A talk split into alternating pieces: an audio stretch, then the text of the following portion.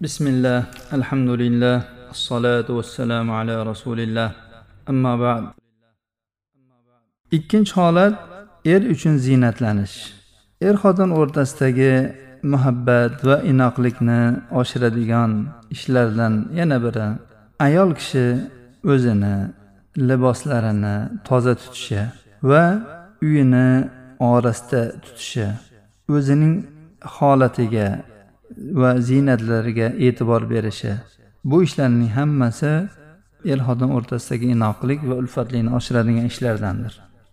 Shariat ayol kishini hatto musibat bir yaqin qarindoshlarning vafoti shu kabi holatlardagi bir mahsullik vaqtlarida ham doimiy ziynatlarni qo'yib yurishdan man qildi.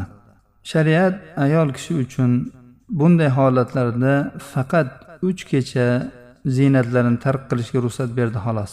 Bu bilan shariat ayolning nafsiy holati bilan erning haqqi o'rtasida bir muvozanat qildiki u ikki ishning birini boshqasiga og'irroq qilib qo'ymadi. Shariat ayol kishi uchun shu uning nafsiy holatini ruhiy holatini e'tiborga olib uch kun shu xushbo'ylik va ziynatlarni tark qilib turishligiga ruxsat berdi. Endi bundan oshig'ida esa uni erning haqqini rioya qilib buni tark qilishlikka buyurdi. Demak ayol kishi eridan boshqa har qanday qarindoshi vafot etadigan bo'lsa unga uch kundan oshiq aza tutishi mumkin emas. Faqat eriga to'rt oy o'n kun aza tutadi. Bu haqda qur'oni karimda ham rasululloh sollallohu alayhi vasallam sunnatlarida ham dalillar bor.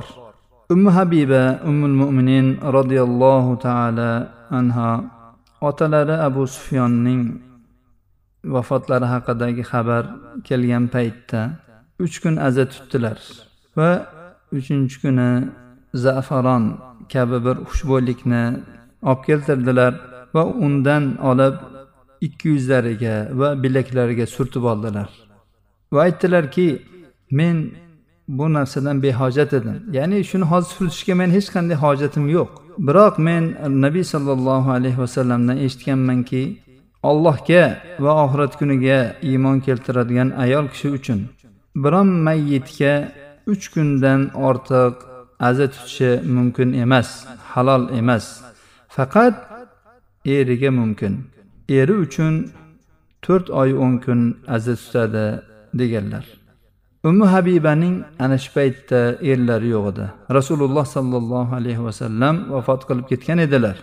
Ziynatlanishga ham hojatlari yo'q edi. Shunday bo'lsa ham onamiz eridan boshqasiga uch kundan oshiq aziz tutadiganlarga o'xshab qolmaslik uchun tezda shu xushbo'yni olib kelib o'zlariga surtdilar. Bu yerda bir e'tibor berishimiz lozim bo'lgan narsalardan.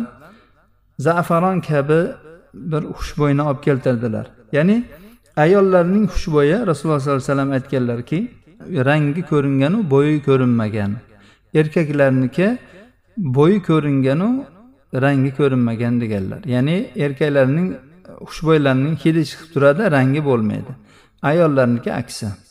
Zaynab binti jahsh ummul mo'minin roziyallohu taolo anho uning ham akalari vafot etdilar. Bu onamiz ham uch kun bo'lganda xushbo'y olib kelinglar dedi. Shundan o'zlariga biroz surtdilarda keyin aytdilarki meni xushbo'ylikka hozir hech hojatim yo'q edi. Faqat rasululloh sollallohu alayhi vasallamdan eshitganmanki u zot minbarda turib dedilar allohga va oxirat kuniga iymon keltiradigan ayol eridan boshqa biron mayyitga uch kundan ortiq aza tutishi mumkin emas. Faqat eriga to'rt oy o'n kun aza tutadi. Ibn hajar rahimaulloh dedilarki buni erdan boshqa biron qarindoshga uch kundan oshiq aza tutishning joiz emasligiga dalil qilinadi. Uch kundan oshiq aza tutish haromdir. Ya'ni uch kun deyilishi inson shu uch kun davomida har qancha masalan xafa bo'lsa boshqa bo'lsa unga yetgan musibatning ta'siri uch kun ichida ancha yengillab qoladi. Ya'ni inson shu holatga ko'nikib qoladi. Shuning uchun shariat uch kunga ruxsat bergan.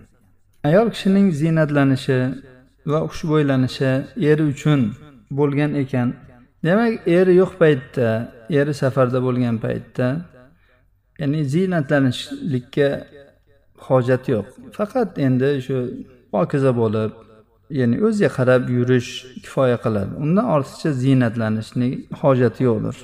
Shariat shu safarda yurgan erni ayolining oldiga ularning bexabar holatlarida bostirib kelishdan ham qaytargan. Chunki bunday holatda ayol kishi ya'ni erini kutib oladigan holatda bo'lmasligi mumkin. Shu jihatlarni rioya qilib kelishdan oldin bir bildirib qo'yishligiga targ'ib qilgan. Jobir roziyallohu anhudan rivoyat qilingan hadisda aytadilarki biz nabiy sollallohu alayhi vasallam bilan bir g'azotga chiqqandik. Qaytib kelib madinaga yaqinlashgan paytimizda endi uy uylarimizga tarqalmoqchi bo'lganimizda rasululloh sollallohu alayhi vasallam shoshmanglar dedilar. Sizlar to kech kirgunicha yoki xufton bo'lgunigacha kirmay turinglar. Toki sochlari to'zg'igan ayol sochlarini tarab olsin. Eri uzoq vaqt g'oyib bo'lgan ayol istehdod qilib olsin dedilar. Demak bunda shariat uyda qolgan ayolni rioya qilyapti. U erini chiroyli kutib olishligiga muhlat beryapti. Uchinchi holat ayol kishi erini shu o'z jonidayu erining molida saqlashligidir ya'ni erning ayol ustidagi haqlaridan biri bu ayol o'z jonida bo'lsin erning molida bolalarida bo'lsin ularning hammasida erini saqlash kerak bo'ladi. Erini obro'sini erini saqlab erini rioyasini qilish kerak bo'ladi. Eri uydan g'oyib bo'lgan holatda ayol kishi ya'ni ziynatlanib ko'chaga chiqmasligi e, nomahram erkaklarga ko'rinmasligi lozim bo'ladi.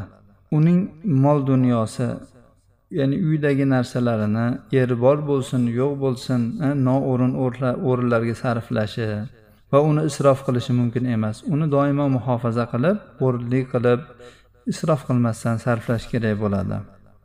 Eri ruxsat bermaydigan bo'lsa u uyiga ya'ni uning oldiga kirishi mumkin bo'lgan ota onasi bo'lsin aka ukalari bo'lsin va boshqalarni erining ruxsatsiz kirgizishi mumkin bo'lmaydi. Agar u mana shu ishlarda muxolif qilib ya'ni bu ishlarning ziddini qiladigan bo'lsa u ya'ni erining haqqini ado qilmagan bo'ladi. O'tgan darslarimizda o'tdikki ya'ni erining haqqini rioya qilmasdan eri hamma yo'qlarini chiroyli qilib to'la to'kis qilib qo'yib safarga ketganida e, yasanib tusanib ziynatlarini ko'rsatib ko'chalarga chiqib daydib yurgan ayolning haqida. Aytildi ya'ni u haqda rasululloh sollallohu alayhi vasallam aytganlarki u haqda indamay qo'yaver so'ramay qo'yaver ularni hol nima bo'ladi. Ular bizdan emas deganday ma'noda gap o'tgan. Demak ayol kishi o'z jonida bo'lsin molida bo'lsin va hokazolarda erning haqqini rioya qilish kerak bo'ladi. To'rtinchi holat erga aziyat berishni tark qilish. Erning ayol ustidagi katta haqlardan yana biri eriga har qanday yo'l bilan ozor berishni tark qilish kerak. Erning o'ziga bo'ladimi? Yoki erining biron bir qarindoshi masalan onasi bo'lsin aka uka bolalariga bo'lsin birontalariga ya'ni ozor berib shu tufayli erga ozor berishdan saqlanish kerak bo'ladi. Ayol kishi ya'ni pokizalikka e'tibor bermasligi mumkin ya'ni isqirt bo'lishi mumkin ya'ni o'zi ust boshlarida yurish turishida uy tutishida agar isqirt bo'ladigan bo'lsa bu narsa ham erga ozor beradi. Bunday ko'rinishda ham ozor bermasligi kerak.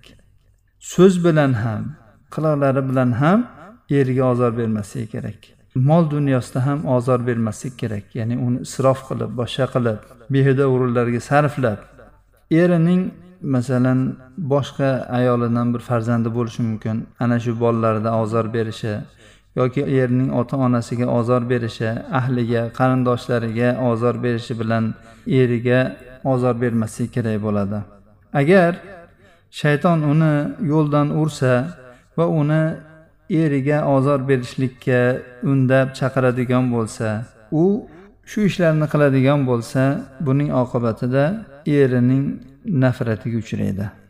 Bu esa uni oxir oqibat o'rtada shu taloq bilan oralarini ochiq bo'lishga olib borishi mumkin.